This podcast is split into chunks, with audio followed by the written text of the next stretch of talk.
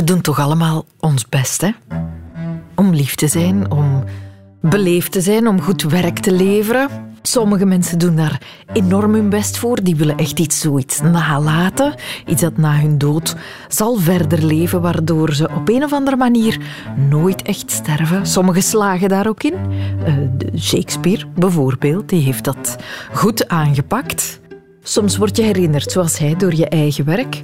Soms ook door het toedoen van anderen. En dat kan dan al eens meevallen. Je redt een bejaard echtpaar uit een vijver van de verdrinkingsdood. Je wordt de lokale dorpsheld, bijvoorbeeld. Kan ook tegenvallen. Daar zit ik nu al een paar dagen over te mijmeren. Al sinds ik de Wikipedia-pagina opende met als titel Wildplassen.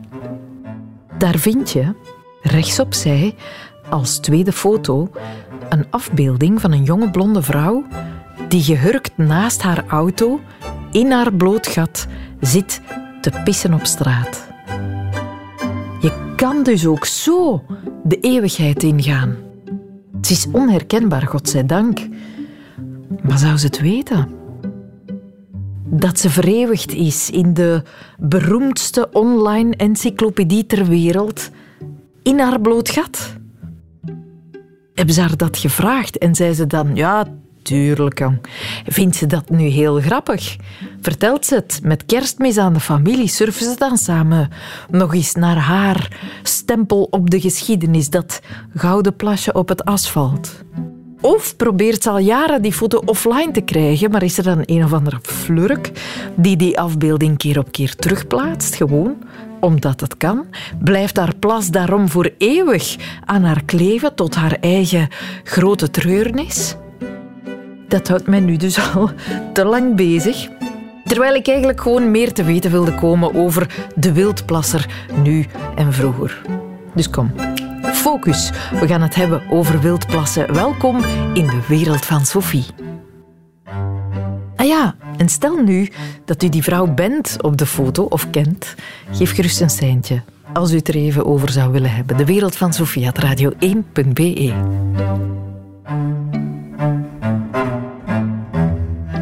Ik was op zoek gegaan naar info over wildplassers, omdat op korte tijd twee vooraanstaande politici wildplassend of schijnbaar wildplassend betrapt waren.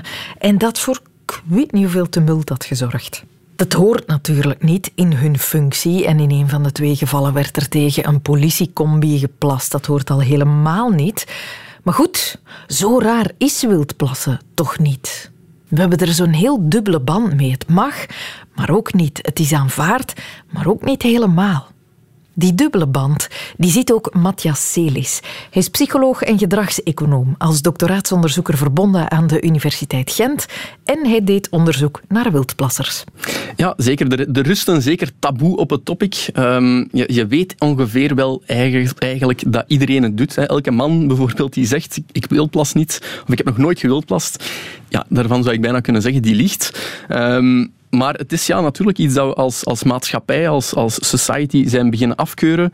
Um, maar natuurlijk, ja, het, het, het, druist in tegen alle sociale normen uh, die, we, die we hoog in het vaandel dragen. Ja, los van de natuurlijke aandrang, wat doet mensen wildplassen?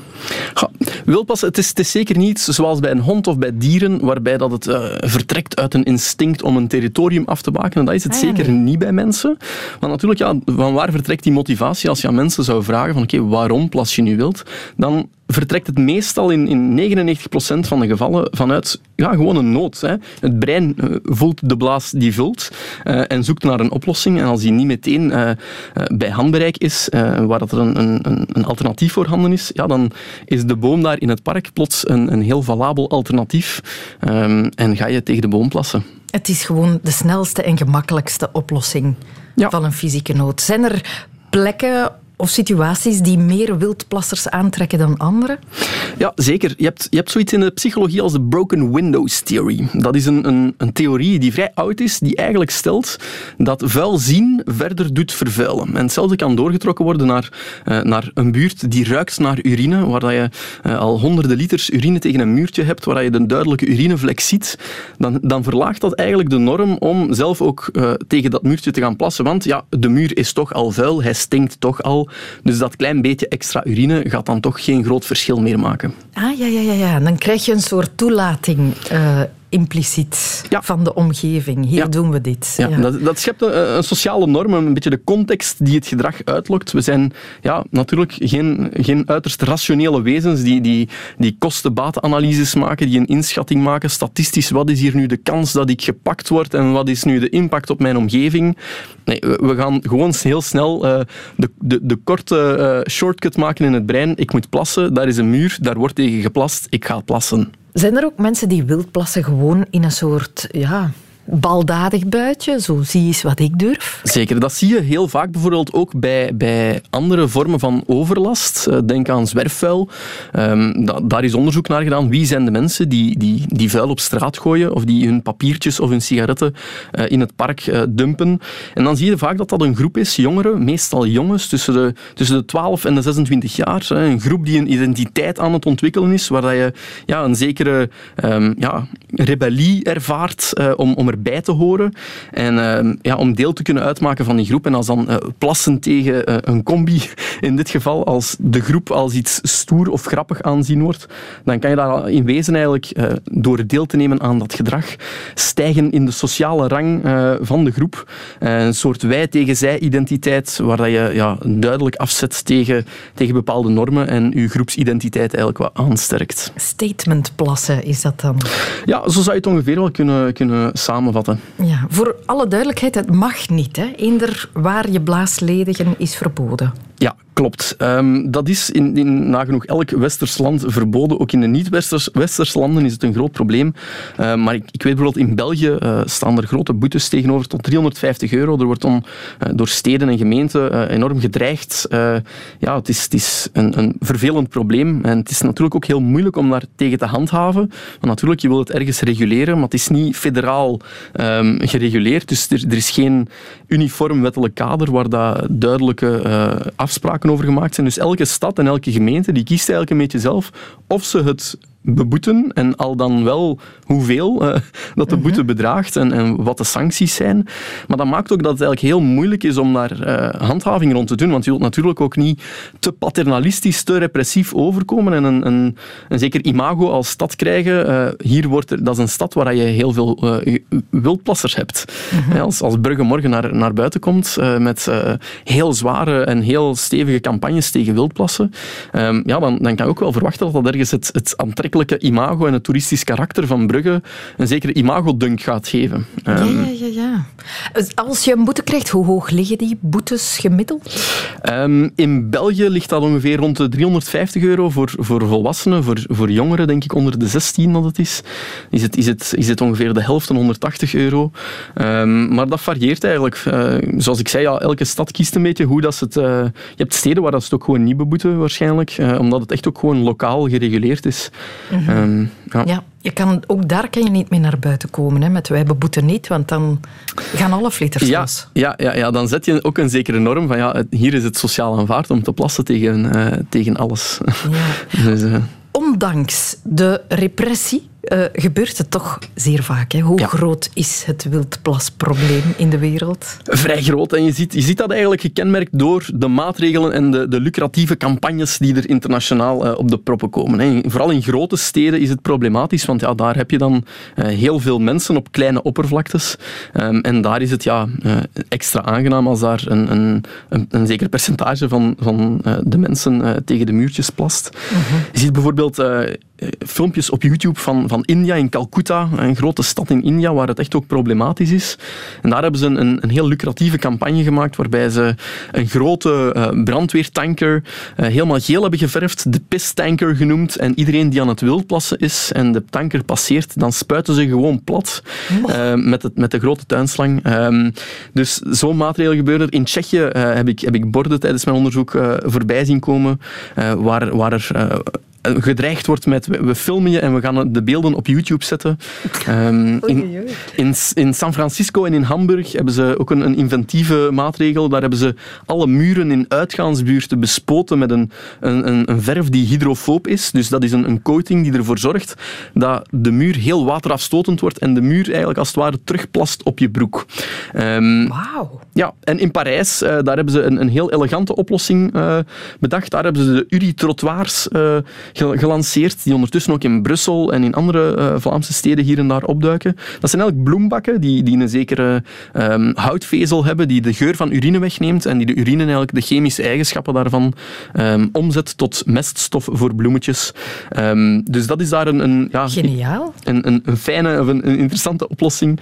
het, het, het, gaat soms zelfs heel, heel extreem. In California bijvoorbeeld zijn ze ook gewoon desperate, waar ze uh, in de wetgeving... Ze, ze trekken het eigenlijk gelijk aan exhibitionisme. Als je gepakt wordt met wildplassen in California, dan, dan word je officieel geregistreerd als een sex offender. En dat betekent bijvoorbeeld dat je, als je verhuist, dat je bij al je buren in de straat moet gaan aanbellen om te melden I am a sex offender.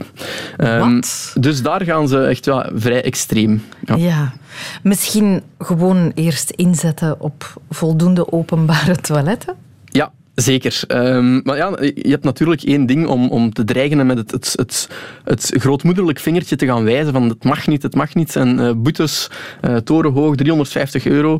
Maar ja, als je geen alternatief voorhanden hebt, wat, wat verwacht de overheid dan of de, de lokale besturen dat we doen? Um, Jij hebt onderzoek gedaan naar hoe je mensen wel richting openbaar toilet kan sturen. Hoe hebben jullie dat georganiseerd? Ja, ik ben dus gedragseconoom. Dat is een beetje een verwarrende term, want er staat econoom in het woord. Maar eigenlijk is dat een zijtak van de psychologie. En in die tak bestuderen we eigenlijk hoe we, wij als mensen um, in alledaagse situaties en in logische situaties niet zo logisch uh, reageren. En de, de wetenschap daarachter is eigenlijk de gedragseconomie. Um, maar dus ja, wat, wat onderzoeken we? Uh, we gaan eigenlijk heel die context in kaart brengen en we gaan kijken hoe kunnen we nu uh, mensen hun aandacht op het juiste moment grijpen, die lang genoeg vasthouden, zodat je eigenlijk een nudge, een klein zacht duwtje in de goede richting kan geven, zonder daar eigenlijk alle keuzemogelijkheden mee te verbieden of zwaar te bestraffen of de economische incentives daar significant of, of, of ja, beïnvloedend uh, te gaan aan te passen. En dat is eigenlijk ja, een, een hele elegante manier om ook in beleid um, het juiste gedrag aantrekkelijker te maken. Want dat is een beetje het, het ding met, menselijk gedrag. Er is zo'n zekere notie, een economische notie, uh, dat mensen rationele wezens zijn en dat we altijd achter het stuur van onze mentale wagen zitten. Maar dat is eigenlijk niet zo. We zijn heel beïnvloedbaar door die context, door die omgeving. En je hebt eigenlijk een situatie, je kan het samenvatten als het makkelijk, het, de context die het gedrag uitlokt, is wat ook het gedrag zal zijn. Dus het makkelijke gedrag, uh, ja, de context lokt het gedrag uit. Mhm. um, en wat makkelijk is, gaat ook aantrekkelijk zijn. En wat moeilijk is, gaat ja, niet aantrekkelijk zijn en gaan we ook niet doen. En dus ehm, door dat nudgen proberen jullie de context een beetje te manipuleren? Ja, manipuleren is een, is een, is een, een beladen term, vind ik zelf. Um, mm maar het is een, in zekere zin het, het, het kneden van de context naar het het sociaal wenselijke of aantrekkelijke gedrag wat wij als maatschappij uh, vinden dat uh, ja, de goede optie is. Ah ja. hoe, hoe, hoe doe je dat dan concreet? Ja, dus in, in de context van het wildplassen, je hebt heel veel uh, manieren om te gaan nudgen. dat, daar zijn voor elke mogelijke situatie is er een andere nudge mo mogelijk bijna. Maar in de context van wildplassen is het daar eigenlijk ook heel belangrijk om te vertrekken opnieuw van die context en goed te begrijpen wat lokt nu het gedrag uit. Um, dus eerst en vooral moet je nagaan, oké, is er hier überhaupt een optie om het correcte gedrag te stellen? En is die zichtbaar? Is die, ja, zijn mensen zich bewust dat die optie er is? Is die bij handbereik? Is die proper? Is die aantrekkelijk? Uh, die zaken. En dan is het een beetje de kwestie van de scientie of de, de opvallendheid van die, uh, die optie um, nog iets meer in de verf te zetten, waardoor dat je eigenlijk een beetje het beslissingsproces uh, verplaatst van ga ik wild plassen versus dus ga ik correct plassen naar bijvoorbeeld wc links is 30 seconden en wc rechts is 50 seconden. Dus je, je herframet eigenlijk de keuzeopties naar iets van goed versus fout, naar correct A versus correct B. En daardoor maak je eigenlijk ja, het juiste gedrag aantrekkelijk. En als je die pijlen bijvoorbeeld, als je dat in pijlen giet, hè, mensen hun aandacht worden automatisch getrokken naar alles wat een pijl heeft. Um, als je dat dan in een pijl giet en die op de strategische locatie zet, bijvoorbeeld aan de uitgang van een café. Als je buiten komt bij een café, dan ergens besef je waarschijnlijk nog niet dat je moet plassen. Maar eens dat je aandacht getrokken wordt door die pijlen, nog voordat je beseft dat je blaas vol zit, ga je ineens zien, ah, daar is een wc over 30 seconden. Dus dat is een beetje het idee van nudging. Op een zachte manier een klein duwtje in de goede richting geven, eh, zonder echt met de vinger te gaan wijzen en met boetes te gaan dreigen. Dat, dat ehm, niet. Gewoon een groot plakkaat, wildplassen verboden, uh, eh, 100 euro boete. Ja, dat, dat is een, een heel repressieve maatregel. En, en wij als mensen wij zijn niet gebouwd uh, voor complexe statistische berekeningen. We hebben weinig inschatting met, oké, die 60 euro, is dat nu veel, is dat weinig? We hebben niet echt een referentiepunt met die waarde. Um, en ook, ja, we hebben heel weinig, uh, ik zei net al, mensen zijn slechte statistici. We kennen niemand in onze omgeving die ooit een boete heeft gehad om, uh, voor, voor wildplassen. Dus we denken, oké, ja, die pakkans die is hier toch heel laag. Het is hier ergens een algemeen Ehm, de kans mhm. dat ik gepakt word zal wel klein zijn. Hè. Dus we onderschatten systematisch ook de kansen en de statistische probabiliteit dat het ons zal overkomen. Ehm, is dat nudge succesvol? Werkt dat? Um, bij ons heeft het voor meer dan 72% daling in uh, aantal wildplassers tegen de monumentale Sint-Jacobskerk gezorgd. Amai. Dus het nudgen kan heel vaak wel een duurzame oplossing zijn om eigenlijk vrij simpel, vrij goedkoop, uh, aanvullend aan een, een sensibiliseringscampagne, um, voor oplossingen te zorgen. Nu kan je nudgen zoveel en zo hard je wil. Dat alternatief, een beschikbaar proper toilet, moet er wel zijn. En blijkbaar staan wij in België wel wat achter wat dat betreft. We hebben er niet genoeg, waardoor mensen het niet anders kunnen dan af en toe eens de bosjes opzoeken wanneer de nood hoog is. En als meisje bijvoorbeeld, niet evident. We hebben de Wikipedia-foto gezien. Hè? Je moet je half ontkleden. Je moet dan nog een soort miktalent hebben. Goede stevige squatspieren en zo. Maar dat houdt Alina Shurikova niet tegen. U kent Alina misschien nog. Ze was een paar jaar geleden de jongste mol ooit. Als het moet, dan hurkt Alina met blij gemoed. De laatste keer dat ik heb wild geplast, dat is uh, ja, eergisteren. dus dat is nog niet zo lang geleden. En de keer daarvoor is dan ook uh, zeker geen week tussen. Maar dat was dan op reis, dus goed, ja, dat zijn misschien andere regels. Als ik terugdenk, dan vertelt mijn mama altijd verhalen over uh, dat ze tegen luiers waren. Allee, tegen. Dus ze zeggen, ze had ook geen geld voor luiers. En dan, vertelden ze, oh ja, dan, uh, dan deed je dat op krantenpapier. Dan hebben we geleerd, ja, als kindje, ik was één jaar, dan zetten ze bij op krantenpapier. Dus ik denk dat dat vroeg begonnen is bij mij. Als kind is dat natuurlijk iets helemaal anders, denk ik. Als een volwassen persoon dat doet, dat is nog anders. Dus ik denk dat er wel veel onderscheid is, maar dat neemt niet weg dat dat een basisbehoefte is. Dat, dat iedereen soms in hoge nood geraakt en dat het echt niet anders kan.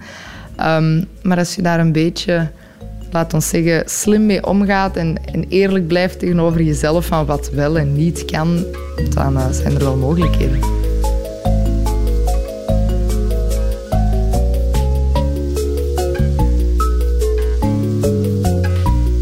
Als ik bijvoorbeeld aan het wandelen ben in een bos, um, ja, om dan naar het toilet te gaan, er is ook niet, geen toilet dichtbij. Dus dan vind ik het wel logisch dat je de stap neemt om toch te wild plassen. Um, maar belangrijk vind ik dan dat je zeker geen afval achterlaat. Dus als vrouw heb je bijvoorbeeld toiletpapier bij. En ik zelf heb mijn, uh, mijn trucje. Wij hadden ook altijd een hond, dus dan had je van die zakjes bij. Die gebruik ik dan om toiletpapier in te doen. Dus ik heb dat um, eerlijkheidshalve ook in mijn auto altijd. Moest er ooit een groot probleem zijn, dat ik toch zeker geen afval achterlaat. Ik heb altijd mijn zakje bij. Lavendelgeurend, een klein zakje, mooi het wc-papier daarin, we knopen het toe en in de eerste, eerste vuilbak uh, prop ik het in. Dus ik laat geen sporen achter.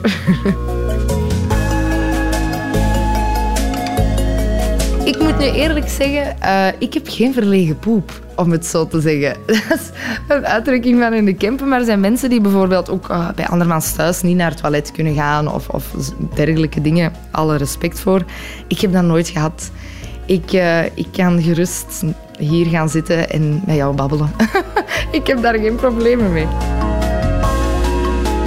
De plasstuit, ja, dat was vroeger een, een, een hype, denk ik, of misschien nu nog steeds voor mij, dat zegt mij minder omdat ik het uh, niet zo praktisch vind, denk ik. Ik zou niet weten hoe ik het moet meezeulen en daarna, om, om dat hygiënisch te houden, moeten dat toch afwassen. Of...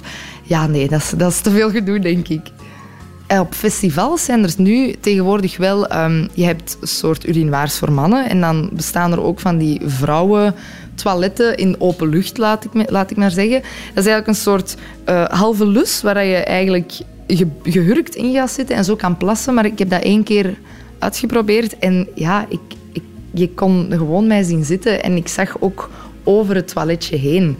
Dus dat is heel vreemd om in andere mensen hun ogen te kijken als je aan het plassen bent. Dus ik moet zeggen, ik ben heel blij dat er um, wel degelijk bedrijven zijn die ook aan de vrouwen denken, die altijd in de rij staan. Uh, maar ja, het staat nog niet op punt, ik zal het zo zeggen.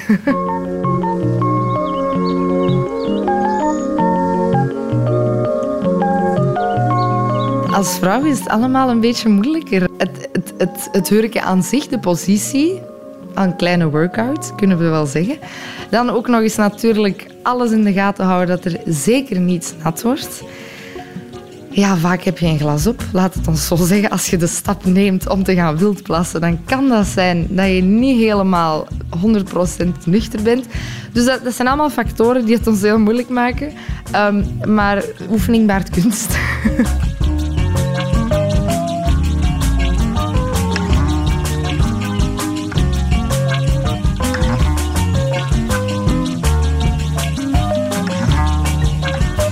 wildplassen, dat kan eigenlijk voor mij uh, vertrekken vanuit meerdere gevoelens. Enerzijds een beetje de frustratie om als vrouw in een rij te staan die veel langer is dan bij de mannen.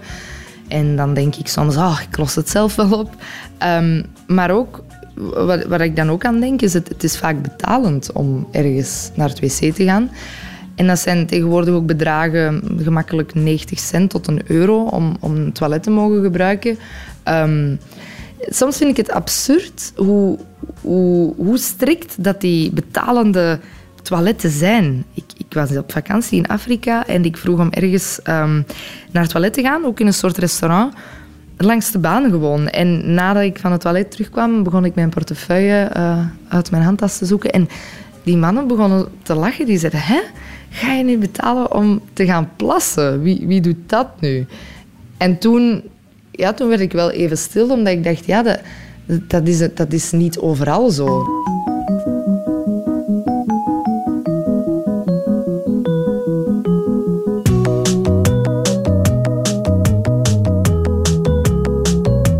Ja, ik denk dat heel veel mensen mij gaan begrijpen, maar op de Gentse feesten... Een enorme klassieker en eigenlijk, je doet het niet in een centrum, het mag niet. Um, ik ben er eigenlijk ook echt tegen. Maar ik denk dat er heel veel mensen mee gaan beamen dat de rijen uh, verschrikkelijk zijn daar. En de nood is dan ook zeer hoog. Dus ik heb wel ooit tussen twee auto's... Begin, ik ben beginnen hurken en toen kwam een politieagent zeggen... Mevrouwtje, dat zou ik niet doen. En um, toen heb ik mijn broek dichtgeknopt en ben ik er toch met de schrik van afgekomen.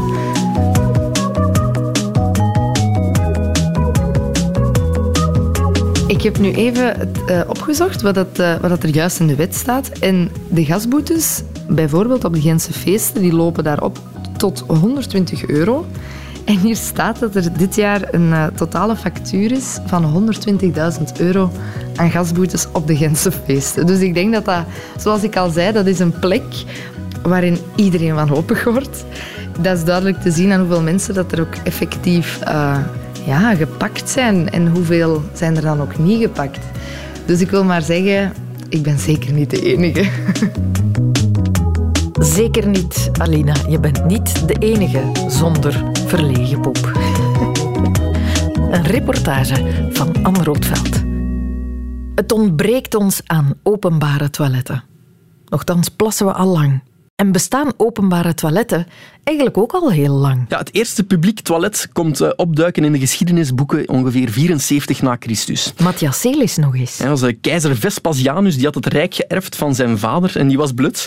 Dus die had de taak om uh, op inventieve manieren eigenlijk, na al het geplunder en na alle oorlogen, ehm, te zien dat de staatskas opnieuw een beetje gevuld geraakte.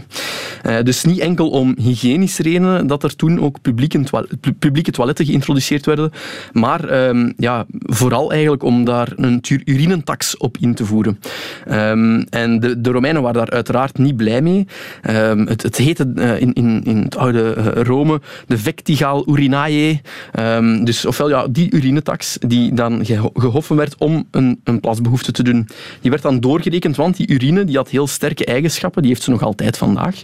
Maar destijds, in, in het oude Rome, werd urine heel veel gebruikt om tanden te bleken als, als een, uh, voor, voor kleding, lederwaren te behandelen. Willen we het um, weten? Ja, dus ja, urine heeft ook gewoon heel sterke chemische eigenschappen en die werd daarom ook echt verhandeld. Um, Heel, uh, heel fun, fun fact is dat heel het, het, het Colosseum, waar we allen uh, als trekpleister naartoe gaan als we ons in, in, in, uh, in Rome begeven, mm -hmm. dat is volledig bekostigd met die urinetax. Um, dus het is, het is effectief wel ja, succesvol geweest om die door te voeren, desondanks dat mensen daar niet, niet echt tevreden mee waren. Mm -hmm. um, maar ook, ook enkel toegankelijk voor mannen bijvoorbeeld. Ja. Ah ja, oké. Okay. Vrouwen, maar ja, die kwamen minder in de publieke ruimte. Ja, dus daar was het ook echt ja, mannen die van en naar uh, het werk of de discussieruimtes uh, onderweg waren, um, die dan ja, een behoefte hadden onderweg. En uh, daar werden dan die publieke toiletten ingevoerd. Die werden ook verplicht. Um, dus vandaar dat de, de Romeinen daar niet zo blij mee waren. Hè. Er staan mij nu wel zo van die verhalen bij van de middeleeuwen en nog later, waarin verteld wordt over hoe men in de kastelen en de paleizen gewoon soms los in de gang zijn behoefte deed. Of op straten, als de Romeinen al die openbare toiletten hadden. Waarom hadden zij die dan niet meer? Ja, na de val van het Romeinse Rijk is dat een beetje verdwenen. Zijn die uh, ja, die ingevoerde uh, nieuwe normen en sociale uh, normen een beetje uit het westerse straatbeeld verdwenen. Om dan ja, opnieuw in Parijs op te duiken, uh, enkele decennia later. Um, waarbij dat het dan ja, in de 17e, 18e eeuw... Um, Eeuwen later, ja ja, een hele tijd later, een, ik denk een goede een, een, een duizend jaar eigenlijk na het, de val van het Romeinse Rijk duiken ze eigenlijk terug opnieuw uh, op in het straatbeeld. Um, maar in Frankrijk bijvoorbeeld, en dat is een, een, een, een leuke uh, historische uh, origine van het woord, daar als je een publiek toilet of een, een, een piscine wordt ook wel een, een, een genoemd, hè, van keizer Vespasianus. Um, dus het gaat allemaal wel terug echt naar dat um, ja, dat, dat verleden waar toen is geïntroduceerd. Maar dus na de val van het Romeinse Rijk, ongeveer een duizend jaar uit de westerse samenleving verdwenen, um, gaande van helemaal geen toiletvoorzieningen naar centrale mesthopen en ontlastingsputten. Um, dus daar heb je eigenlijk een, een, hele... Ja, daar gaan we een beetje terug achteruit uh, in onze normen uh, vanuit het, het, huidige oogpunt. Um, en die notie dat wildplassen terug als iets sociaal onacceptabel gezien wordt, dat zien we dan in 1840 in Parijs opnieuw opduiken. Uh, met het, het Vespasiaanse concept dat daar terug geïntroduceerd werd. Toen ook nog voor de man, op weg naar en van het werk bedoeld. Maar goed, dat is intussen wel veranderd, verbeterd. En er wordt nog steeds gestreden door vele organisaties voor meer en beter openbaar sanitair. Er bestaat trouwens een app, Hoge Nood heet die. En die wijst je overal in het land de dichtstbijzijnde toiletpot aan. En uh, wat er ook is bijgekomen, zijn verschillende initiatieven specifiek voor vrouwen, wat echt wel nodig is. Ellen Lejeune bijvoorbeeld is daarmee bezig. Zij studeerde in 2010 af als productontwikkelaar met een vrouwenurinoir voor publiek gebruik. Intussen zijn we 13 jaar en een berg ontwerpen verder en vind je op sommige plekken al haar Miss Wiz in het straatbeeld. Hoe ziet dat eruit en hoe werkt zoiets? Dat ging Anke van Meer bestuderen. Ja, here is where the magic happens. Allee, ik woon hier eigenlijk nog maar een jaar en een half zo. We zitten hier op een zolder in Beveren tussen allerlei prototypes van urinoirs. Maar niet zomaar urinoirs. Nee, inderdaad. Het zijn de vrouwen-urinoirs. Waar vrouwen eigenlijk comfortabel op kunnen plassen zonder het aan te raken en uh, ja, zonder te moeten gaan zitten. Er staat hier een kartonnen versie, Ah ja, ja. een gele en dan Ja. nog twee roze. Wat is het verschil tussen al deze versies? dat was... Zo'n kartonnen versies heb ik er veel. Hè. Eh, ook in kunststofplaatjes. Dat zijn zo... Eerst zo maquettes eigenlijk. Dat is een 3D... eh, dat zijn meer in organischere vormen dan de stalen variant. Zo. Ja. Zo. Dit is eigenlijk e- een van de eerste stalen urinoirs die ik heb. Dus dat zijn zo wat... De voorlopers. De voorlopers, ja. Die zijn gebruikt geweest op eh, Weekend Dance vorig jaar. Maar die zijn wel gereinigd geweest, hè. Dus no worries. Wanneer ben je daar eigenlijk mee begonnen? Wanneer heb je zo je eerste vrouwenurinoir ontwikkeld? Ik ben er eh, op het idee gekomen eh, om het als onderwerp te gebruiken voor mijn eindwerk. En dan dacht ik, ik wil een probleem oplossen dat mij ook wel interesseert ook. Ik ben daarmee ja, in 2010 afgestudeerd en in 2011 is het eerste prototype gemaakt. Je bent eigenlijk al 13 jaar bezig, 12 jaar bezig met het maken van een vrouwenurinoir. Ja, met wel pauzes tussen natuurlijk wel, omdat ik ander werk ook heb gedaan. Maar eh, de jaren vliegen voorbij en ja, nu zijn we plots 2023 en heb ik mijn webshop en ben ik bezig met nog altijd verder de cabine, de mobiele cabine echt, waar ze in komen te staan, te, te verbeteren en op, en op de markt te brengen. En eh, ja, Je hebt hier ook een groot prototype staan. Kunnen we er eens naartoe wandelen? ja, dit is eigenlijk zo het, eh, het model dat je kan kopen op mijn webshop. Het is met zo'n ophangsysteem aan. Dus, je dus als je ziet, met een beugel en zo, hangt dat op in je badkamer of zo. Er zijn veel mensen die het graag in hun badkamer willen. En wij gaan dat ook doen waarschijnlijk, met dat we aan het verbouwen zijn. Je ook veel water bespaart, want dat is ook wel nodig in deze tijd, om daar zo wat bewust mee om te gaan. Voor elke plas alles doorspoelen. Dit is nu een vrouwelijk model. Het is helemaal in het roze. Ik heb ook die groenachtig zijn, zoals je gezien hebt, en die zijn iets hoger. Ja, en het is eigenlijk een urinoir met een hele lange teut. Ja, ja. En daarop ligt er een soort van... Ja, ja. Allee, erin Een zit een soort gaas. Ja, inderdaad. Dit gaasje, dit eh, ja, vond ik het beste. En, Dat is om het spatten tegen te ja, gaan. ik heb al veel gevraagd aan vrouwen van, eh, hoe, hoe vond je spatten? Zijn ze spatten? Nee, geen spatten. Nee, dus het werkt wel. Maar, ja. En hoe moet je hier nu opgaan? Je hebt eigenlijk twee manieren. Dit is de meest ja, gebruikelijke en gemakkelijkste manier. Je gaat er gewoon over gaan staan. Ja, natuurlijk moet je altijd je broek afdoen. We kunnen daar nu niet omheen. We zijn nu eenmaal zo gebouwd. Dus ja, dat, dat moet nu eenmaal. Je hoeft er niet mee te zitten. Je moet een beetje door de knieën gaan. Ik noem het zo, ja, eh, een, een, als je een puppetje aait of zo. Zo'n houding. Als je zo'n beetje door de knieën gaat en je wilt een puppy aaien of een kindje. Zo. En je houdt je handen, leg je op je knieën. En je kan dan ja, gemakkelijk gewoon plassen. En je kan ook gewoon even kijken of dat alles ja, goed gaat. je hebt er perfect controle over. Kijk, je hebt er perfect alle hele zicht over. Ja, en in tegenstelling tot bij een mannenurinoir sta je niet met je gezicht naar de muur, Ja, maar dat kan maar ook naar hier. de deur. Dat kan hier ook, zoals je ziet op de tekening. Ah, ja, ja, er staat inderdaad een eh, gebruiksaanwijzing bij. Ja. Een pictogram van een vrouw die verschillende houdingen aanneemt Ja, dus op, op het rug- urinoir. Maar het is echt heel leuk om zo te plassen ook, richting het urinoir. Dat doen veel vrouwen ook. Je bek een beetje naar voren doen. En je kan ook wat, zo wat huid aanspannen. Lijkt dat mannen ook een piemel vasthouden. Dan kunnen wij ook iets doen. Om zo up, de straal naar voren te doen. En dan plas je zo. Dat is echt een heel bevrijdende gevoel om te plassen, eigenlijk, vind ik zelf. Ja, maar dan moet je een beetje al comfortabel zijn met op zo'n hoogte te plassen. Al meestal plassen wij laag. Ja, dat zijn de twee manieren dat je kan plassen.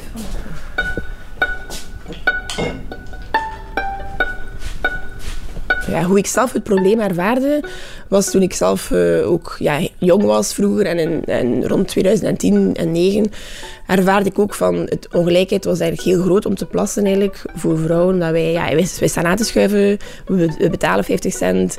Dan kijk je achter u en dan zie je al die plaskruizen staan waar al die mannen gewoon ja, niet moeten wachten, niet moeten betalen. En die waren over heel de stad ook verspreid. Ik ben nu over het, het feesten bezig wel, maar dat is op andere festivals ook.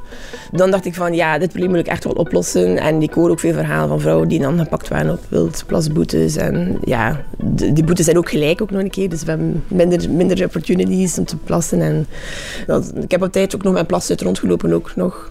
Om bij de mannen te gaan plassen, dat was ook heel...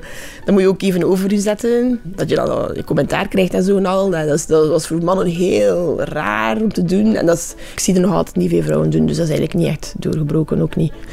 Ehm, dus ja, het was wel ehm, roeien met de riem die je had eigenlijk in die tijd. Dus eh, ja. Ja, ik heb wel geen boete gehad. Dat niet. Maar ik ken veel vrouwen die het had hebben wel. Ja, dat vond ik wel echt wel heel ja, unfair. Als we even kijken naar, de, naar de cijfers van mogelijk, plasmoeilijkheden voor bijvoorbeeld zeg maar honden en mannen zelfs. Ja, honden hadden toen, in 2019, hadden, eh, 180 plas- of ja, kakplaatsen, zo, van die hondentoiletten eigenlijk. 180 mannen urinoirs, eh, rond de 100. Misschien zijn er nu een paar bijgekomen of weggenomen, ik weet het niet, maar dat was toen in 2019. In Gent. In Gent, ja. Gent alleen, ja. Andere steden um, zo'n andere cijfers hebben wel. En vrouwen hebben eigenlijk maar 10 plaatsen om naartoe te gaan. Dus ja, mannen 100, honden 180 en vrouwen 10. Ik vond dat zo... Ach, ja, zijn wij nu echt... Allee, 20, bijna 20 toen. In, ja. En dan nog altijd zo'n groot verschil. Ik vond dat... Ja, was schrijnend eigenlijk. Jij hebt dan uiteindelijk zelf een vrouwenurinoir ontwikkeld. Ja. Um, ja, hoe begin je daaraan? Ja, dat is een goede vraag. Dat was, um, ik heb daar eigenlijk heel veel, nog altijd tekeningen van, van in allerlei posities. Ook, ik heb twee vriendinnen gevraagd van kom eens houdingen aannemen. En ik ging zo ja, dan foto's trekken en filmpjes maken en kijken van wat is, wat is comfortabel om te... Ik liefst iets zo hoog mogelijk om te plassen, om vanaf dat je eigenlijk bukt is dat eigenlijk de perfecte houding om eigenlijk ja, je grote behoefte te doen. En dat wilde niet in urinoir. Dus zeker geen squat, gelijk een Frans toilet of zo. Dus daar wou ik eigenlijk van afstappen. Dus het moest zo hoog mogelijk zijn.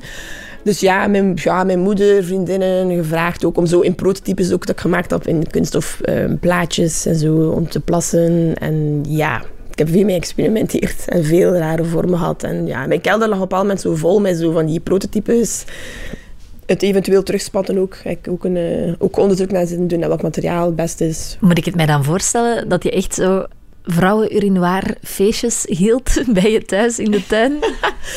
Eigenlijk wel. Ja, ja, want ik heb nog een co-housed ook. En dan, um, als er zo'n feestje was, had ik dat zo'n beetje als een uh, opportuniteit om zo mijn product zo voor te stellen. En dan heb ik zo een houten, ja, een houten kotje in elkaar gestoken eigenlijk vrouw gevraagd van ga eens even staan en kijken, uh, raak je het aan, is dat de goede hoogte, om de hoogte ook te bepalen ook en zo.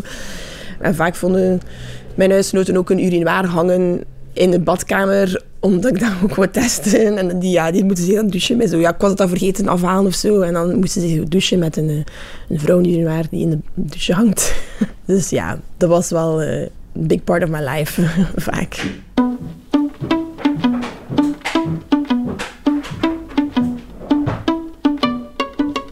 We zitten hier ook achter uw laptop en daarom ben je momenteel bezig met een nieuw prototype te maken. Hè? Uh, ja, ik ben altijd uh, mijn ontwerp aan het verbeteren en stond nu net open, nu dat je hier was. Wil je het eens zien? Of? Graag. Ja, oké. Ah ja, dat is een staalversie. Dat is eigenlijk de cabine. Voilà, met twee kunnen ze plassen. Eigenlijk, ik heb het gezegd, zo lijkt bij de gewone mannenurinoirs dat er zo gewoon een, een stuk korte plaat is tussen de twee urinoirs. Dus je zit eigenlijk met twee ja. in één hok? Ja, ik merk dat veel vrouwen samen gewoon in zo'n, in zo'n hokje kropen. Vrouwen gaan gewoon samen plassen. En ik wil dat nu ook met mijn volgende ontwerp ook gewoon aanmoedigen, zeg maar, om gewoon samen te gaan plassen. Er is eentje op een lagere hoogte en een hogere hoogte, zoals je ziet. Zijn je urinoir al ergens te vinden? Kan, kan, ik ze al ergens bezoeken op een openbare plaats? Mijn allereerste urinoir ik verkocht aan Noorwegen uiteindelijk. Ja, ik 2019 of 20 zelfs pas. Ja. Ook in Amerika heb ik er ook al verkocht. Dat was al, ja, het prototype van 2011 hangt eigenlijk in de Chinastraat, uh, Bar Bricolage in Gent. Dus um, dat staat eigenlijk naast de toiletcontainer. Um, ik heb die vorig jaar volledig gepimpt, ja, gestript en gepimpt. Dat was een stalen urinoir cabine ook, waar je zo in moet lopen. Dus ik heb die volledig in knalroze geverfd. En ook het urinoir op zich ook. Dus het bestaat nog altijd. Ik voel ook wat dat nodig is. Ik zie ook wat dat nodig is. En ik zie ook dat vrouwen het, het, het, ja, meer en meer, zeker nu, want in 2010 was dat nog vrij ja, revolutionair zo like. En nu uh, is dat zo al meer en meer een, een nodig. Is het populair? Uh, ik merk het wel. Als ik op een festival ja? sta, ja, ja, ja. Ze, eens ook dat, dat ze het door hebben, of ze zien die ogen gaan zo open en ze van ja, tuurlijk. Ja, ja, ja. Dus uh, ja, veel vrouwen zeggen, once you go to the Mistways, you don't uh, want to go back naar een gewoon toilet. Dus ja, dat is wel leuk wel. Er zijn 18 keer meer hondentoiletten dan vrouwentoiletten in sommige steden. Laat dat even bezinken. En dat in het land waarvan het beroemdste standbeeld er eentje is van een wildplasser. Manneke Pis, als er één natie doordrongen zou moeten zijn, of doordrenkt, van de nood aan sanitaire voorzieningen, dan zouden wij het moeten zijn. Bart Bogaert, ik zie u gesticuleren. Zeg ik iets verkeerd? Ja, en ik ben het eigenlijk niet helemaal eens met wat je daarnet zei. Hoe bedoel je? Uh, ja, ik vind dat uh, het over manneke pis hebben in een uitzending over wildplassen, ik vind dat een beetje een affront voor manneke pis. Is dat wel op straat gewoon te plassen? Ja, maar een wildplasser zou ik hem toch niet durven noemen. Hij, hij verdient dat niet, uh, die titel, want manneke pis voor eens en voor altijd ja, is geen wildplasser. Het, het, heeft er alle schijn van dat hij gewoon iemand is, Sophie, die zoals jij en ik op zeer ijverige wijze dagelijks zijn werk probeert te doen. En wat is zijn werk? In fonteinen plassen. Nee, Manneke Pis is een ploter. een ploter? Ja, ik had daar tot gisteren, moet ik heel eerlijk zeggen, ook nog nooit van gehoord. Ik zal die straks uitleggen, maar misschien moeten we eerst eens de ontstaansgeschiedenis, de ontstaansverhalen over Manneke Pis bekijken. Hoe is hij daar beland? Wat staat hij daar te doen? Dat vraagt de mens zich toch af. Hè? Wel, dat is een verhaal waar je tientallen versies over zal vinden. Er zijn heel veel legendes die aan dat beeldje vasthangen. We weten dat de, bron, de bronzen versie van het beeld, zoals we het nu kennen, er al staat op die plaats van 1619. Maar het staat op de plek waar mogelijk al van in de 14e eeuw een stenen beeldje, een stenen mannekepis stond. In Gerardsbergen zijn ze nu trouwens al een klein beetje aan het mopperen, want zij zijn ervan overtuigd dat hun mannekepis veel ouder is dan de oorspronkelijke mannekepis van Brussel. Daar staat er ook eentje. Maar laten we vooral die discussie nu niet voeren, want daar hebben we de tijd. Daar zullen we morgen ook een Kamercommissie voorbij inroepen. Voilà, dat is misschien een goed idee. Maar in al die ontstaansverhalen die er dus zijn over Manneke Pis, en dat zijn er echt heel veel, wordt Manneke Pis vaak afgeschilderd dus als een soort wildplasser. Er is bijvoorbeeld het verhaal van een vader die op een groot volksfeest heel lang geleden plots zijn zoontje was kwijtgeraakt en hem na lang zoeken terugvond, plassend op de hoek van de Eikstraat en de Stoofstraat in Brussel, waar de vader dan later uit dankbaarheid een fonteintje oprichtte. Manneke Pis. Of er is een iets heldhaftiger verhaal, het verhaal van de kleine Juliaan, Le Petit Julien, ah, zoals hij in Brussel trouwens nog altijd af en toe wordt genoemd, hè, Le Petit Julien. En die Petit Julien die had gezien dat een vijandig leger een bom tegen de stadsmuren had gelegd. Zo'n rond ding met een lange lont die tergen. Zo'n bom. Ja, ja uh, afbrandt. En die Petit Julien die had er dan niets beter op gevonden om die lont te gaan uitplassen om zo Brussel van verder onheil te behoeden. En uit dankbaarheid heeft de stad dan een beeldje van een plassende jongen uh, daar gezet. Of een variant waarin Le Petit Julien met zijn Petit Zizi uh, altijd maar tegen de deur van een kluizenaar, een soort tovenaar, ging plassen, die, daar, ja, die dat zo beu was op een bepaald moment dat hij woest werd en uh, dat die Petit Julien in een stenen beeld heeft veranderd en voor de eeuwigheid heeft veroordeeld tot plassen. Dat zijn maar een aantal van de ontstaansgeschiedenissen. Mhm. Of je hebt dan ook nog het verhaal, mijn favoriete mannekepis uh, ontstaansverhaal trouwens, waarin een link gelegd wordt met de Grimbergse oorlogen uit de 12e eeuw. En meer bepaald met de slag van Ransbeek. Dat spreekt zo al tot de verbeelding. Dat is een conflict uit de 12e eeuw tussen de graven van Brabant en een groep opstandige vazallen, de familie Berthout, die op dat moment heersten over de heerlijkheid van Grimbergen en Mechelen. En toen in 1142 Godfried III graaf van Brabant werd, ja, dan zagen die opstandelingen hun kans schoon. Hè, want die Godfried III die was Ocharme nog maar twee jaar oud op dat moment. En dus dachten ze, nu is het moment, het graafschap is verzwakt, er is een machtsvacuum, we moeten daarin springen, we moeten nu aanvallen. Maar dat was dan weer buiten de moeder van Godfried III gerekend, Lutgardis, en die trommelde een leger op van bevriende edellieden. En wat deed ze? Je gaat het niet geloven. Ze gaf de kleine Godfried III gewoon mee met de soldaten om die slag bij Ransbeek van op de eerste rij mee te maken, zodat die soldaten zouden zien voor wie ze aan het vechten waren, voor wie ze hun leven riskeerden. En dus werd Godfried III in een mandje ik stel me daar dan een soort middeleeuwse maxi-cosi uh, bij voor. Uh, in een boom gehangen op dat slagveld, terwijl er het veld werd geslagen. Goed, dat gevecht gaat volle bak zijn gang. En plots, deus ex machina, worden de, de strijdende partijen als het ware verblind en verlamd door een wonderbaarlijk voorval, want plots zien ze die kleine Godfried III recht staan uit zijn maxicosi, terwijl hij daar in die boom hangt. En met een krachtige straal plast hij op de opstandelingen. Die zijn helemaal van hun apropos. Klinkt zou je het zelf plausibel, ja. Ja, en slaan dus op de vluchten. Heel plausibel verhaal. Die, die boom, een eik, pour la petite histoire, waar die maxicosi van Godfried dus in hing. Die is dan verplaatst naar Brussel, naar een nieuw aangelegde straat, die dan de Eikstraat is genoemd. En ter herinnering werd er naast die eik een fontein geplaatst in de vorm van een plassende jongen. In al die verhalen ja, is er sprake van een vorm van wildplassen, maar er is een veel plausibeler verhaal dat niets met wildplassen Oké, dit was de introductie. Dit was de introductie. Heb je nog even? Hè? Wel, om twaalf uur komt liever meestal. Het komt eraan. Het komt eraan. Wel, in de Stoofstraat waren tot in de 17e eeuw heel veel uh, leerlooierijen leerbewerkingsfabrieken. En in die leerlooierijen, daar werden heel veel ploters te werk gesteld. Daar zijn ze, de ploters. Nu, wat zijn ploters? Dat zijn mensen die dierenhuiden, de huiden die gebruikt worden om dat leer te vervaardigen, die die dierenhuiden geschikt moeten maken voor bewerking van het leer. Zij moesten, die ploters, zij moesten onder andere de haren, de haren losmaken van het vel. En dat deden ze door de huid een nacht in een mengsel te leggen, in een bad te leggen van water, kalk, mest en urine.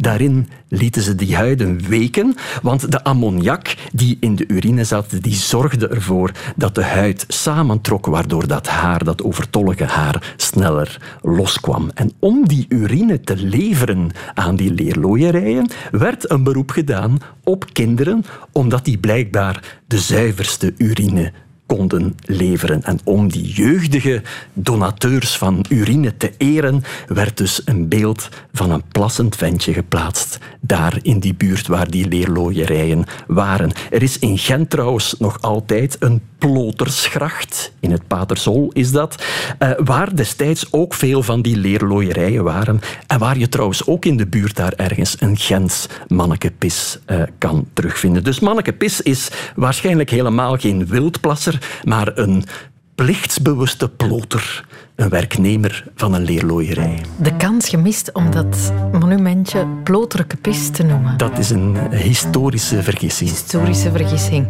Terechte rechtzetting, dankjewel, Wart Bogaert.